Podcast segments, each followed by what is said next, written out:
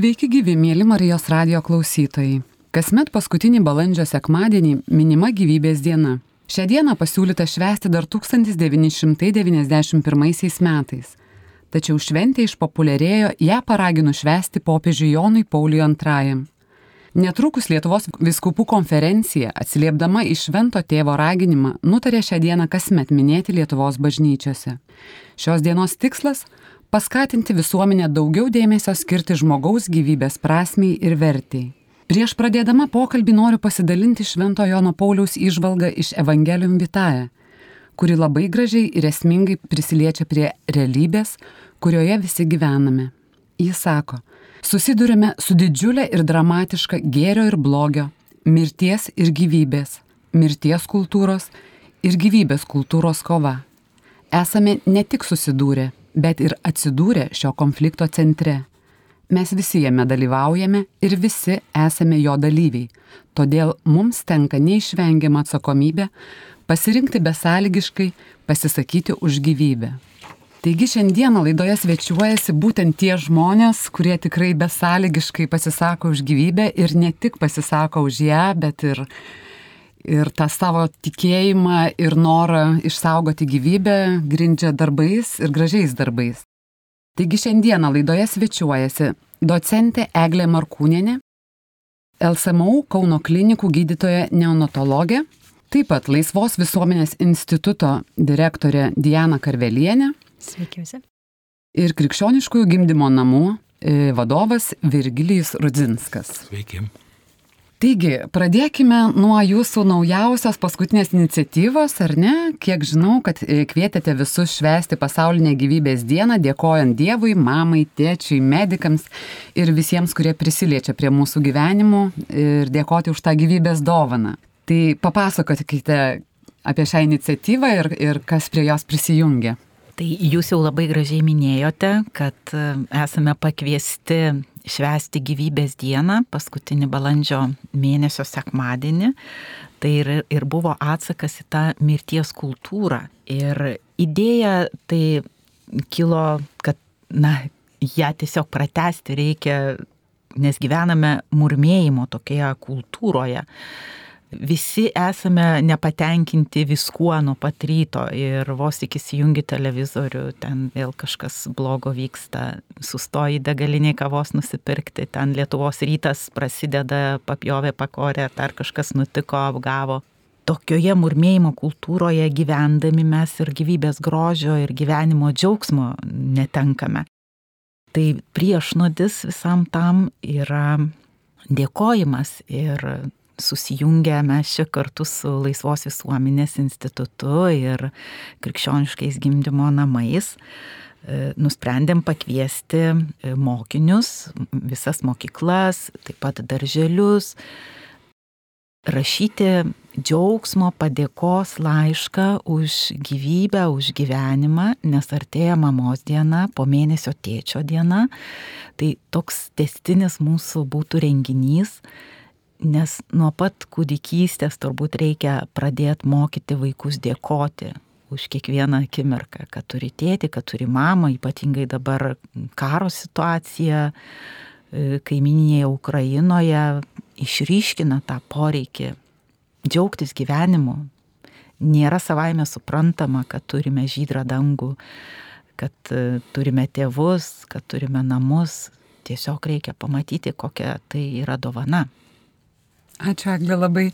Ir sakykite, kaip, kaip pavyko pats renginys, ar žmonės atsiliepia į gyvybę puoselinčias iniciatyvas?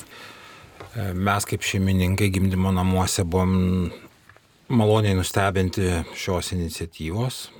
Gerbiamas prelegentas čia esančios laidoje mūsų medikus išjudino. Mums atrodytų, kad kiekviena darbo diena yra šventė. Mes tikrai matom labai gražių elementų, momentų savo kolegom dirbantiems kitose srityse. Kartais kviečiam apsilankyti pas mus gimdymo namuose, kad pamatytų, kad e, Lietuva turi visai kitą veidą. Mes matom labai daug gražių jaunų šeimų, labai reta gimdyvė ateina į gimdymą viena, ją atlydi artimieji, dažniausiai vyras ir jie, jų akivaizdoje tie vaikučiai gimsta, tai jam yra didžiulė privilegija, kada ir tėtis ir mama yra šalia. Atrodytų, kad medikai prie tų vaizdų, prie tų emocijų esam pripratę. Tačiau šventė dalyvavo daug kartų, per langų žiūrėjo gimdyvės, kurios pagimdė prieš vieną, dvi dienas vaikelį, e, atėjo iš kaimininio darželio vaikučiai pakoncertuoti, atėjo iš pradinės Montesori mokyklos, iš gimnazijų, e, tėvai atlydėjo, mes patys medikai tokia marga publika, bet visas spektras visuomenės ir idėja labai graži, ačiū už tą pasufleruotą mintį, gal taps tradicija. Labai linkėčiau, labai graži iniciatyva ir labai gražu, kad įtraukit nuo mažumės vaikučius į tą, apskritai, kad jiems keliamas klausimas apie tai suteikiama galimybė pagalvoti. Eglė dar norėjau paklausti, ar daug sulaukėt piešinių, laiškų, gal kažkas labai jūs nustebino arba pradžiugino, nežinau, kažkoks toks trumpas momentėlis. Tai iš tikrųjų tie dėkojimo laiškai, na, mano vaizdinį buvo, nu, taip, laiškiukas parašytas, O kai juos atnešė apipavydalintus e, gražiausiais piešinukais, o kai žodžius ten pradedi skaityti, kiek vaikai turi tos meilės ir dėkingumo, tai jau po pirmo laiško perskaičius net graudu darosi iš to gerumo. Tai iš tikrųjų nuostabios emocijos. E, iš karto žmonės pradėjo sustoti, nes turbūt reiktų paaiškinti, kad tie dėkojimo laiškai yra pakabinti ant krikščioniškų gimdymo namų sienos.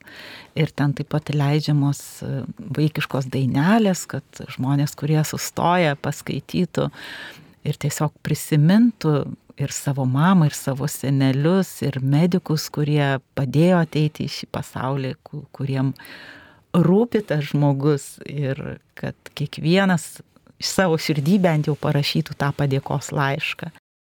Ir tarkim šios šventės man galbūt svarbiausias toks momentas buvo, kad kai mes visi sušukome ačiū Dievui ir kad gyvename, paleidome balionus į dangų. Jie atrodė nuskrido už kampo, bet kažkur aukštai dangui apsigrėžė, sugrįžo ir kabėjo virš mūsų kiemo. Ir visi užvertę galvas žiūrėjome, lydėjome ir tikrai širdyje dėkojome svarbiausia už gyvenimo dovaną Dievui. Nuostabu, tikrai nuostabios akimirkas, labai jautru.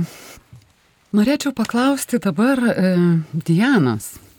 E, šiandienos visuomenėje stebime egocentrišką laisvę sampratą, kur gyvybė laikoma kliūtimi tokiam, sakykime, asmeniniam išsipildymui, ar ne? Ir gyvybė, kuri gali atsirasti iš vyro ir moters intimumo, tampa priešu, kurio reikia bet kokią kainą vengti. Ar nemanote, kad to cinizmo gyvybės atžvilgių priežastis glūdi toje hedonistinėje mąstysenoje, ar ne? Nenorinčioje prisimti atsakomybės. Klausimas sudėtingas, bet labai svarbus. Ypatingai šio laikinė visuomenės galbūt prieš šimtą metų tokio klausimo nebūtume net kėlę, nes jis savaime suprantamas. O šiandien visuomenėje vis dažniau kalbama apie laisvę, kaip gerai yra turėti laisvę ir kuo jos daugiau. Ir keliami klausimai, kam reikalingi tie įsipareigojimai šeimai, kam reikalingi tie vaikai, juk tai ekonominė tam tikra našta, reikalinga apgalvoti apie juos kažkam iš jaunimų galbūt pasirodys, kad kalbam apie ekologiją ir čia vėlgi tam tikros kliūtys įsižvelgia, rasti priežasčių, dėl ko vengti šeimos ir vaikų visą laiką galima atrasti, bet taip pat galima atrasti ir dėl ko galima džiaugtis. Ir šiandien gal visuomenės kultūroje labai trūksta to džiaugsmų kultūros, skambių antraščių, e, nacionaliniuose transliuotojuose ir interneto portaluose mes matom, kad e, turėti šeimą vaikų yra skurdas ir dar kažkokių antrašių skambių netrūksta. Tačiau kaip retai mes sutinkam tų skambių antrašių, kurios palaikytų šeimą, kurios puoselėtų šeimą, kurios džiaugtųsi šeima, vaikais, kad e, jaunimas masto apie tai yra tikrai gero jaunimo Lietuvoje, tikrai nėra tai viskas juoda ar papilka, tikrai jaunimas ir pasilieka Lietuvoje ir nori kurti tą geresnę ateitį čia tiesiog trūksta pozityvių žinučių trūksta pozityvios mąstysenos ir nuo pat mažumės. Ir šiandien nebereikalo mes kalbėjom apie renginį, iš kurio tik su gausia emocinių banga atėjom. Ir ten vaikai visų piešinėliai buvo su džiaugsmo širdelėmis, mamai, tėčiui, su jų įsivaizduojamam kelionėm. Ir atėjo e, vaikai, paaugliai, kurie jau gimė tuose krikščioniškas gimdymo namuose, jie dainavo džiaugsmo dainas ir krojo, vis, įvairios buvo išaiškių formos. Ir man atrodo, kad reikia to dėkojimo kultūrą e, pargražinti į Lietuvą, ne tik tai e, kalbėti apie gyvybės kultūros puoselėjimą, bet tuo pačiu ir grįžti prie dėkojimo kultūros, nes to trūksta. Kaip minėjo gerbiama prelegentė Eglė, niurzgėjimo mums netrūksta, pasibėdavot mes mokam ir e, tai matomai yra išlikę, bet tas dėkojimas ir, ir nešimas vertybinė bazė ir, ir atiduoti tą gal prigimties skolą, aš nežinau kaip tai net įvardinti, tiksliau savo tėvams, kurie pasirinko, priėmė tuos iššūkius, žinodami džiaugsmus ir skaudulius, jie prisimė e, atsakomybę nešti mus per gyvenimą ir mokyti tų tiesioginių gerųjų dalykų. Tai mes turėtum būti dėkingi jiems ir daryti viską, kas įmanoma mums geriausia, kad jų nenuviltumėm, kad jie džiaugtųsi, kad mes tokie išaugom ir būtum valstybei kuriejais. Ačiū Diana. Dabar šiek tiek norėčiau pažvelgti į pačios gyvybės, jeigu kalbame apie užsimesgusią gyvybę, ar ne, klausimą. Jisai, aišku, visuomeniai sukelia labai aštres diskusijas. Bet e, kalbėdama šiuo klausimu norėčiau pasi, pasiremti škotų jezuito Gerardo Hugės mintimi, iš, iš jo vienos knygos, kurisai kalbėdamas su paaugliais, kurie neva laikė save ateistais, paskui paaiškėjo, kad jau jie laiko save agnostikais, rezultate dalis jų įtikėjo, ar ne? Jie visi buvo užkėtėję mokslo kaip galimybės atrasti atsakymus į visus klausimus gale. Taigi tas škotų jezuitas jų paklausė, Džonai, ar tu esi tikrai įsitikinęs, kad tarp tavo mamos ir šio semtuvėlio yra skirtumas paaiškinamas tik matematikos formulėmis, kurioms paklūsta tam tikros dalelės? Tai mano klausimas būtų, kodėl atmetamas mokslas, kuris taip aiškiai įrodo, nuo kada užsimesga gyvybė, ar ne? Tai tie patys skeptikai arba priešininkai gyvybės, arba renkant, pasirenkantis abortą, ar ne žmonės, jie tą patį mokslą kaip argumentą šitoje vietoje jau atmeta. Klasikinis relativizmas. Ta pačia tiesa vienom aplinkybėm gali vienaip traktuoti ir kitom aplinkybėm kitaip. Iš tikrųjų yra labai plati vairovė, yra šalis, kurios įstatymais saugo embrioną žmogaus gemalą, tarkim, nuo 14 dienos, bet iki 14 dienos leidžia atlikti mokslinius eksperimentus abejotinos vertės. Yra šalis, kurios nuo pat užuomasgos to žmogiško gemalo įgina. Mokslas tenka su liūdėsiu pranešti, kad kartais tampa politikų ir mūsų tiesiog to relativizmo tarnaitę. Ir aš nekalbu apie tokius mokslinius tyrimus, kurie yra akivaizdžiai užsakyti ar tai farmacijos kompanijų, ar tai suinteresuotų grupių. Bet norom ar nenorom tenka atsižvelgti, atsigręžti labai paprastus dalykus. Ir klasikinis pavyzdys, kai e, siuvėjos klausia, sako, tavo siūlas prasideda nuo kurios vietos, nuo kurio centimetro, nuo penkto, šešto ar aštunto. Tas pats ir su žmogaus gyvybė. Tas siuvėja tikrai atsakys, kad nuo pat siūlas prasideda ten, kur prasideda. Tas pats su žmogaus gyvybė. Ir sveika nuovoka, sveikas protas, e, na, neverčia atsigręžti tuos politikų išleistus įsakymus, įstatymus. Tiesiog sveika nuovoka na, diktuoja, nu, žmogus yra jo gyvybė ir gyvenimas yra testinis ir čia tik tai sukomplikuosim savo gyvenimą, jeigu pradėsim įsileisti tokius svarstymus. Gaila, bet tendencija yra ta ir medicinoje, kad uh, labai pradedam melstis naujam Dievui, tai yra mokslų pagristom metodikom ir lygų gydimui ir diagnostikoje, jeigu mes turim mokslų neva pagristą metodiką, mes nebijom ne, nukrypti nuo, nuo tam tikrų rėmų. Ir medikai, vyresnės kartos medikai jaučiasi sukaustyti, nes naujos kartos žmonės, jaunimas ateina labai įtikėję, kaip jūs minėjot, mokslu, bet e, medikas ir jo darbas yra daugiau negu vien tik tai taisyklių laikymasis. Mes turim intuiciją, mes turim nuojautą, mes turim patirtį ir, jautrus medicas, kokios specialybės jisai bebūtų, nesvarbu ar mano srities, kur priemam gyvybę, ar, ar susidurintys su onkologiniam lygom, visada savo vidum bus gyvybės pusė ir reikia pasakyti, kad didžioji dauguma medikų yra tokie.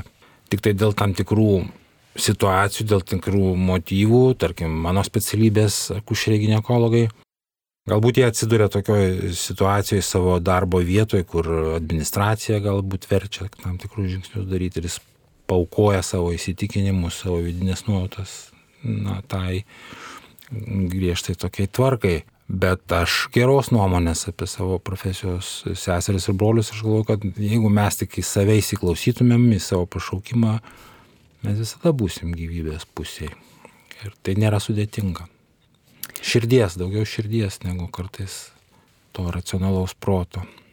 Ačiū Jums labai už tas įžvalgas ir man beklausant Jūsų kilo klausimas, kurį norėčiau galbūt užduoti Janai, nes e, Jūs ko gero susiduria daugiausia su moterimis, kurios ryštasi, tarkim, ar ne, daryti abortą. Tai iš vienos pusės man vis tebėra nuostaba, kodėl mes, kaip aš sakau, kas su mumis atsitiko, kodėl mes kalbame apie tai, kas, kas savaime suprantama ir apie tą, sakykime, laisvę, nelaisvę ar ne pasirinkti. Ar nėra taip, Diana, kad e, moteris, kurios ryštasi abortui, jos tik pateikia, nu mes angliškai sakydame, excuse ar ne, nu tą tokį pasiteisinimą, kad, nu, ne va tai riboja mano laisvę, dar kažką, bet vis dėlto tas pats sprendimas, jisai ar negimsta iš didelės, didelės baimės, pasimetimo, jos gal viduje širdyje, vat kaip Virgilijus sako, širdyje mes visi už gyvybę, gal ir jo širdyje už gyvybę, bet va ta baime, ar, ar nėra ta, ta priežastis, tas momentas, dėl kurio jos ryštasi šitam siaubingam veiksmui? Gal tiesiogiai Laisvos visuomenės institutas tokio moteriam nesusiduria, bet tikrai labai gilinamės į šitą situaciją ir kalbam su krizo neštumo centrais, kurie, centru tiksliau Vilniuje, moterim ir Kaune, kurios e, bendrauja su moterim, įvairių priežasčių galima rasti ir suprasti, bet viduje giliai dažniausiai moteris tikrai, kaip jūs ir minėjote, yra už gyvybę. Tiesiog tam tikros aplinkybės aplinkybių netgi kompleksai susidėję, ar tai yra vidinėje šeimoje arba net tos šeimos tokios nebuvimo, nepalaikymo visuomenės spaudimo, ką apie mane pagalvos ir daugybė tų priežasčių ekonominių, socialinių, psichologinių galima čia laikyti ir atrasti. Bet viena pagrindinių, jeigu atsirastų bent vienas žmogus, kuria, kuris palaikytų moterį, arba valstybės pagalba, greičiausiai jinai prisim, prisimtų visas atsakomybės ir iššūkius tenkančius toje srityje rinktųsi tą gyvybę, nes tokia yra tas vidinis balsas, kad už gyvybę ir, ir kaip ten bebūtų, tas kūdikio džiaugsmas yra aukš, aukščiau visko, labiau visko. Ačiū Diena. Galbūt Eglė, jūs turėtumėt kažkokių išvalgų šitą, šitą temą. Jūs turbūt irgi susidurėt su moterims, kurios įvairiose situacijose atsiduria. Galbūt aš truputėlį žvilgtelėčiau prieš porą metų teko būti dalyvauti Vatikane konferencijoje e, Yes to Life, tai yra taip gyvenimui. Ten buvo iš tikrųjų daugiausia netgi kalbama apie vadinamą abortą pagal medicinės indikacijas. O ką tai reiškia? Tai reiškia, kad tie, kai jau prenatalinės diagnostikos dėka pagalba mes matome, kad tas embrionas, vaisius turi tikrai rimtų e, defektų ir galbūt jis nesugebės išgyventi, galbūt net žus gimdoje, galima kuo greičiau, galbūt net reikia, nes medikai taip pat pradeda spausti, atsisakyti šito neštumo vaikelio ir atlikti abortą. Tai labiausiai turbūt tai ta mintis ten sužavėjo, kad na, nėra jokios bevertės gyvybės, net jeigu jinai tikrai, na, negyvens dėl savo sunkių sklaidos defektų, bet tai paliečia visą šeimą, taip pat medikus, kurie yra aplinkui. Tai yra tam tikra gyvenimo istorija, kuri mus paliečia. Ir susiduriant e, ne tik su abortais, tai dabar yra daug, daug plačiau ir daugiau kalbama apie dirbtinį apvaisinimą, nes čia atsiranda terminai, pavyzdžiui, kokybiškas, nekokybiškas embrionas. Teko palydėti e, šeimą, kuri prarado du dvinukus ar ne vaikučius po dirbtinio apvaisinimo. Ir tai tikrai didžiulė tragedija ir, ir skausmas. Ir čia pat e, kalbama, na mes dar turime e, užšaldytų embrionų, bet jie nekokybiški. Tai pabandykim visą tai išversti į kalbą, normalią kalbą, ar ne, nes yra programavimas mūsų, kad neštumo nutraukimas tai ne žmogžudystė, bet neštumas tai vaikas. Neštumas lygų vaikas. Tai jeigu nutraukiam, tai nutraukiam vaiko gyvybę. Pradėkime teisingus žodžius naudoti. Ir dabar kalbant, nekokybiškas embrionas, nekokybiškas vaikas. Ir šalia sėdi kiti vaikai ir mes apie tai kalbam, čia tas kokybiškas, nekokybiškas vaikas. Tai tokią vat mirties kultūrą ir kuriame, taip kalbėdami. Nepageidaujamas neštumas, ar ne? Bet kur paskaitysite vaikų vadovėliuose, kaip mes juos ugdome. Taip, taip. Apsaugos priemonės nuo nepageidaujamo neštumo. Nu tai išverskim vėl į lietuvių kalbą. Apsaugos priemonės nuo nepageidaujamų vaikų. Nu tai kas tie vaikai yra? Kas jie? Užpuolikai, erkės, nežinau, ir tai tie gyvūnai reikalingi mūsų visoje bio sistemoje. Ir kita vertus ir gyvūnai instinktyviai saugo savo gyvybę. Mums tai jie mėsytė ar dar kažkas vienas kitam maistas. Bet žiūrėk, tas instinktas saugoti gyvybės visoje gamtoje yra. Diana kažką norėsi tiesiog um, prelegentės eglės mintis ir šiek tiek apjungiant netgi Virgilijos, kur tas siūlas prasideda, kur ta gyvybė prasideda. Ir jeigu mes pradam kelti klausimą, kvestionuoti, kuriame etape žmogaus gyvybė yra vertesnė būti gyvybė, ar tai negimęs kūdikis jau yra mažiau vertas būti gimęs ir tas žmogus, kuris serga, arba neįgalus žmogus, ar žmogus, kuris yra kaip daržovė, pavadinsiu taip negražiai, bet tai tikrai sunkios būklės, jis mažiau yra žmogus ir mažiau yra gyvybingas, ar mažiau vertingas yra, kaip čia pasakyti tai jeigu mes pradedam kelti tokius svarbius egzistencijos klausimus, kuriuo etape žmogaus gyvybė yra vertingesnė būti gyvybė, apskritai e, kvepia nužmogėjimo. Tada um, Vėlgi laidoje buvo paminėtas tas iššūkis tenkantis jaunai kartai, neliktai lyčių susipriešinimas ir panašiai, ir ar tas vaikų čia turėjimas ar neturėjimas, ar baimės šiek tiek įnešimas, tarp lyčių atsiranda susipriešinimas jau šitoje vietoje, nes staiga vyrai, berniukai bijosi lygtai įsitraugauti su mergaitėmis, nes nu, tai tie santykiai kažkur veda, visi suprantam ir net gyvūnai supranta, kad jie kažkur veda ir jeigu tų santykių kontekste kaip rezultatas atsiras nauja gyvybė, kas su tuo?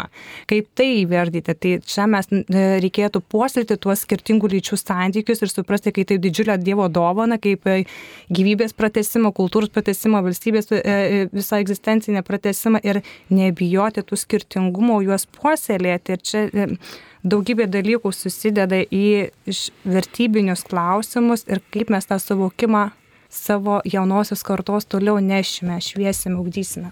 Tai gal dar prateščiau, pavyzdžiui, irgi, na, medikai daromi tokie paslaugų teikėjais toje mokslo įrodymais grįstoje medicinoje ir e, galbūt Virgilijus galėtų pratesti ar ne, kad ateitų moteris, nu, noriu nutraukti neštumą.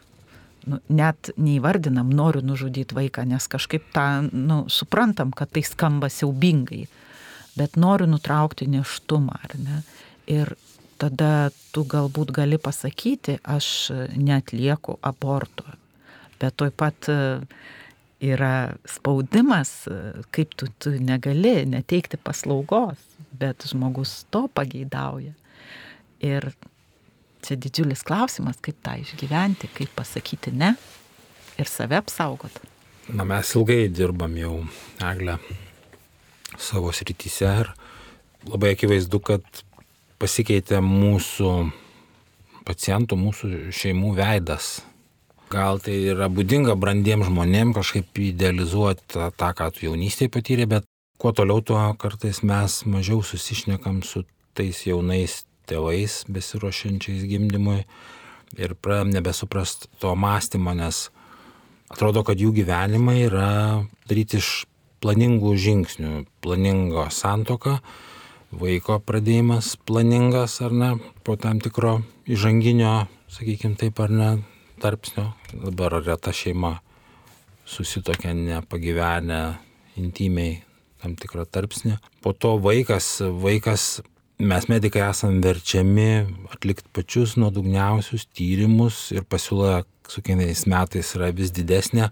Kuo anksčiau išbrokuoti, jeigu tai yra kažkoks kabutėse brokuotas vaikas ar ne, ir yra privalomi tyrimai jau ir 13 savaitę, kas yra labai arti tos aborto e, ribos. Ir šeima nori dar garantijų, siunčia genetinius tyrimus į Šveicariją, į Ameriką, jie nori, kad tas vaikas būtų na, tobulas, kad nedaug dievė medikai pražiūrėsim kažkokį tai dalyką ir nebėra to tikėjimo, kad e, mes esam tik įrankiai. Tėvai yra įrankiai, jie nekuria gyvybės, jie yra ją pradeda, bet e, tikrasis kuriejas yra ne čia. Ir po to, kuo arčiau gimdymas, tuo yra sudaromi planai, mums prieš akis pateikiami keli puslapiai, taip kaip jie įsivaizduoja visą šitą gimdymą ir nedaug dievę gimdymo eigoje nukrypsim nuo to scenarijaus. Ta, ką Eglė sakė, reiškia, iš mūsų yra daroma paslaugos teikėjus, kad e, be klaidų pagal metodikas mes atliktumėm savo darbą ir iš vienos pusės tai yra gerai struktūrizuoja mūsų darbą, bet jis nepalieka visiškai vietos sakykim, Dievo veikimui arba dalykam, kurių mes tikrai negalim valdyti. Tai čia yra didžiausias tas nusivylimas, aš nežinau, kaip toliau čia klostysis istorija žmonijos, kaip tie žmonės naudosis tais mokslo pasiekimais, kurie visiškai lenkia mūsų etinius įsitikinimus. Mes sužinom apie naują vaistą, naują metodą, naują būdą, o mūsų mąstymas dar likęs per keli žingsnius, nes mes neįvertiname etinės pusės man yra tekę dalyvauti, vat, kaip ir tu Eglė pasakojai, profesiniai konferencijoje pasaulinio lygio, kur ultragarsiniai tyrimai buvo pateikti. Yra neįsivaizduojamo lygio mašinos, kurios e, nuo 8, nuo 7 savaičių gemalą mes matome ekrane jo visą išvaizdą, toks koks yra trijose dimensijose, keturiose dimensijose. Ir kada vienas iš lyderių šitos ryties rodo nuotraukas, Jis nustatė nemažus defektus, mažų tų gemaliukų, 6, 7, 8 savaičių ir išoriškai tie visi gemaliukai primena kažkokius, na, gyvius. Tai yra nelaimingi vaikai, kurie įgyjo kūno struktūrą, kur vienas panašus į drambliuką, kitas ten į kitą gyvūnėlį.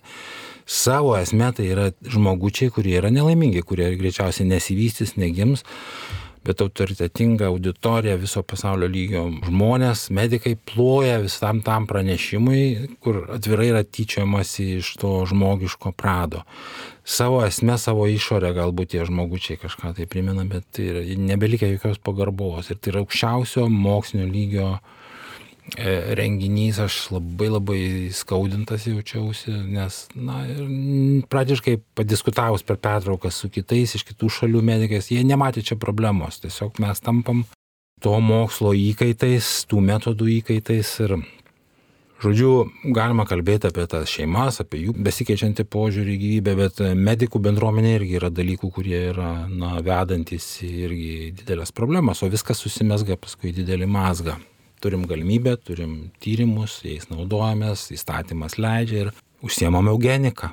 Norim tobulo vaiko, norimų laikų, su tuo partneriu, visokie draudimai, užtikrinimai ir, na, kaip Eglė minėjo, kad kai kurie gemalai šalituvė laukia savo eilės arba sulauks arba nesulauks, tai tos visos technologijos yra didžiulė pagunda ir, ir čia reikalinga, kaip jau minėjau, daugiau širdies negu kartais e, proto žinių ar Aš norėčiau pratesti irgi kaip neonatologų mūsų pasaulinėje irgi konferencijoje. Kaip tik aš buvau neseniai vat, po Vatikane tos vykusios konferencijos, irgi klausiau puikių profesorių pasaulinių pranešimų ar kada gaivinti, kada negaivinti, kada padėti išgyventi, kada nepadėti išgyventi jau naujagimiui, nes nuo 22 savaičių mes teikiam visą pagalbą, tačiau žinoma, tai yra labai sudėtinga ir tikrai turi pasiekmes gyvybei, toliau vaikui aukti. Taip pat širdyje buvo, na, labai sunku girdėti, vertingas jis, nevertingas. Ir visgi pabaigoje, kai klausimai yra ir sustoja žmonės klausti, išdrįsau ir aš atsistoti ir pakviesti visą tą auditoriją tylos minutę, vieną tylos minutę, pagerbti visus tuos mirusius, negimusius, visus tėvus, kurie praverkė dėl tų savo vaikelių tylos minutę nes medicina tai dėkinga gali būti už savo pasiekimus tik dėka ligonių. kurie iškenčia, kenčia ir, ir taip toliau. Nesveikieji kuria mediciną ir jos galės. Tai turim ligonėm būti dėkingi. Tai vėlgi kažkaip tą gyvybę visgi jos vertę kaip įmanoma parodyti net ir tokiuose renginiuose. Labai, labai gražu pagarba eglė. Iš tiesų, kokia buvo reakcija auditorijos? Kai baigėsi visi klausimai, aš maniau, kad tikrai nesureaguos į šitą prašymą, nes galvojau, tai tikrai bus labai žulus išsišokimas ir pati tikrai drebėjau ir virpėjau išstoti dar vis tiek anglų kalba. Tai nėra lengva tokius dalykus pasakyti. Ir pabaigoje iš tikrųjų vedantieji pakvietė tai vienai tylos minutiai. Ir po to išėjus, nes tai jau konferencijos buvo uždarimas, prie manęs priejo keletą žmonių ir padėkojo. Nieko daugiau nesakė, bet ačiū už jūsų drąsą, kad tai padarėte. Bet tai nėra mano drąsa, tai tiesiog tikrai buvo įkvėpimas, toks paraginimas, nes, nu, tiesiog tu nebegali nusėdėti, tu negali tylėti. Nuostabės akimirkos, ačiū Eglė, kad dalyjate šitom patirtim. E, grįžkime tada prie jūsų tos nuostabios iniciatyvos. Ir kiek, kiek man yra žinoma, motinos ir tėvo dienomis jūsų šio renginio metu parašyti padėkos laiškai bus nunešti prie altoriaus Euharistijos šventimui. Tai tiesiog e, tie, kurie norėtų prisijungti, esate labai kviečiami ir galbūt Eglė tada galėtumėt pasakyti, kur, kada vyks e, šventosios mišios jūsų intencija. Tai e, per motinos dieną jėzuitų Švento Pranciškaus Ksavero bažnyčioje Rotušės aikštėje 10 val. bus laiškai kaip padėka aukščiausiam mūsų kuriejui atnešti. Taip pat per tėvo dieną padėkos laiškai tėčiui, tai tuo pačiu noriu pakviesti, kad e, turim beveik visą mėnesį rašyti padėkos laiškus ir tėčiui. Nes tikrai tėtis dabar iš viso yra užmirštamas, ar ne, mamai tai mamai, ar ne, o tėčiui. Tai jis lygiai taip pat svarbus vaiko gyvenime, nes be tėčio ir mamos e, ir nebūtų mūsų. Tai birželio ketvirtą per tėvo dieną lygiai taip pat 10 val. kviečiame dėkoti tėčiam ateiti į Jėzuitų bažnyčią. Ačiū, Eglė, labai. Na ir pabaigai užduosiu po tokį trumpą klausimą. Ką jums kiekvienam asmeniškai davė dėk, dėkingumas arba dėkojimas? Labai trumpai tiesiog kiekvienas. Kodėl tai yra svarbu ir ką keitė jūsų gyvenimuose būti dėkingu?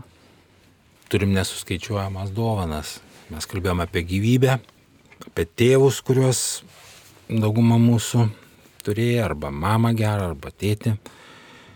Turim talentus, kurių vienus užkasėm, kitų neužkasėm, tai ir profesinį talentą, tai ir talentą būti gerais tėvais. Tiesiog reikia pasukti savo galvą ir, ir prisimint faktiškai kiekvienoje Euharistijoje, kiekvienose mišiuose, už ką mes galim e, padėkoti, o tokio priminimo reikia, nes mes kartais natūraliai priemam dalykus kaip duotybė ir, ir tiesiog kitas sako, aš turtingas dėl to, kad aš moku pinigus daryti, kitas aš sveikas, nes aš krosą bėgioju, bet iš tikrųjų to gėrio, tų talentų, tų dovanų šaltinis yra, yra vienas ir to nereiktų pamiršti. Ir daug kalbėjom apie dėkingumą, bet yra ir kita Dievo nuostabi savybė, tai yra jo gailestingumas. Kalbėjome jautrę temą apie gyvybę, apie klaidas, kurias padaro kartais besilaukiančios mamos ar, ar vyrai, kurie būna nejautrus, nešiai savo žmoną ir nepadeda išsaugoti gyvybės. Yra medikai, kurie irgi yra savo gyvenime žengę žingsnius, kurie, na, dabar atrodo jam neteisingi, buvo pasikesinta į kitų žmonių, reiškia, tų negimusių vaikelių gyvybės.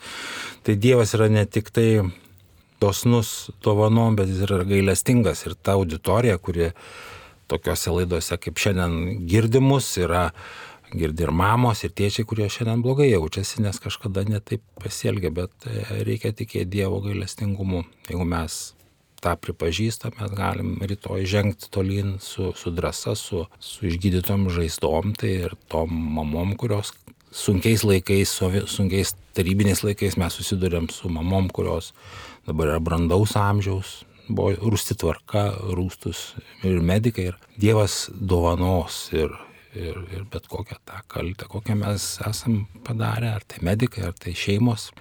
Ir žiūrėkim šviesiai, dėkokim gailestingam Dievui tą, ką Jis mums duoda patirti.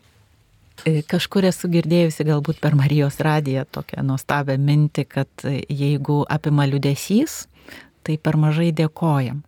Ir aš atsimenu, kad po išpažinties e, gavau vieną tokią atgailą e, per visą rožinio karoliukus, pasakyti Dievui dėkoju už tai, kad taip nuostabiai mane padarėjai. Tai man tikrai tai buvo tokia stipri atgaila ir po jos tokį didžiulį džiaugsmą patyriau. Tai tikrai visiems siūlau ne dėl atgailos netgi, bet tikrai kasdien, tris kart per dieną, per rožinio karaliukus praeiti, dėkojant Dievui už savo gyvenimą, koks jis bebūtų, kokioje situacijoje bebūtum. Ir tikrai aplankys džiaugsmas ir šviesa. Dėkoju, Eglė, labai. Aš iš tiesų irgi norėjau pabaigti tą pačią mintimį šią mūsų laidą, mūsų pokalbį, kad ko gero viena iš, iš pagrindinių priežasčių, kodėl prarandame gyvenimo džiaugsmą ir yra tai, kad tampame nedėkingi ir leidžiame tam, kas kadaise buvo stebuklas, tapti mums įprastų dalykų. Taigi, mėly Marijos radio klausytojai, nuoširdžiausiai kviečiu visus atnaujinti savo žvilgsnį ir gyventi taip, kad dėkingumas galiausiai taptų mūsų įpročiu. Nes net mažiausi dalykai, mažiausia malonė gali atnešti ir pripildyti mūsų ramybę. Kai ją pripažįstame, kai pripažįstame tai, ką gauname, vertiname tai ir dėkojame. Ir kaip yra pasakyta, dėkingas gavėjas sulauks gausaus derliaus. Taigi, darbuokime su dėkingumu ir te laimina mus visus Dievas. Prie studijos mikrofono buvau aš, Edita Grudzinskaitė Gruodis.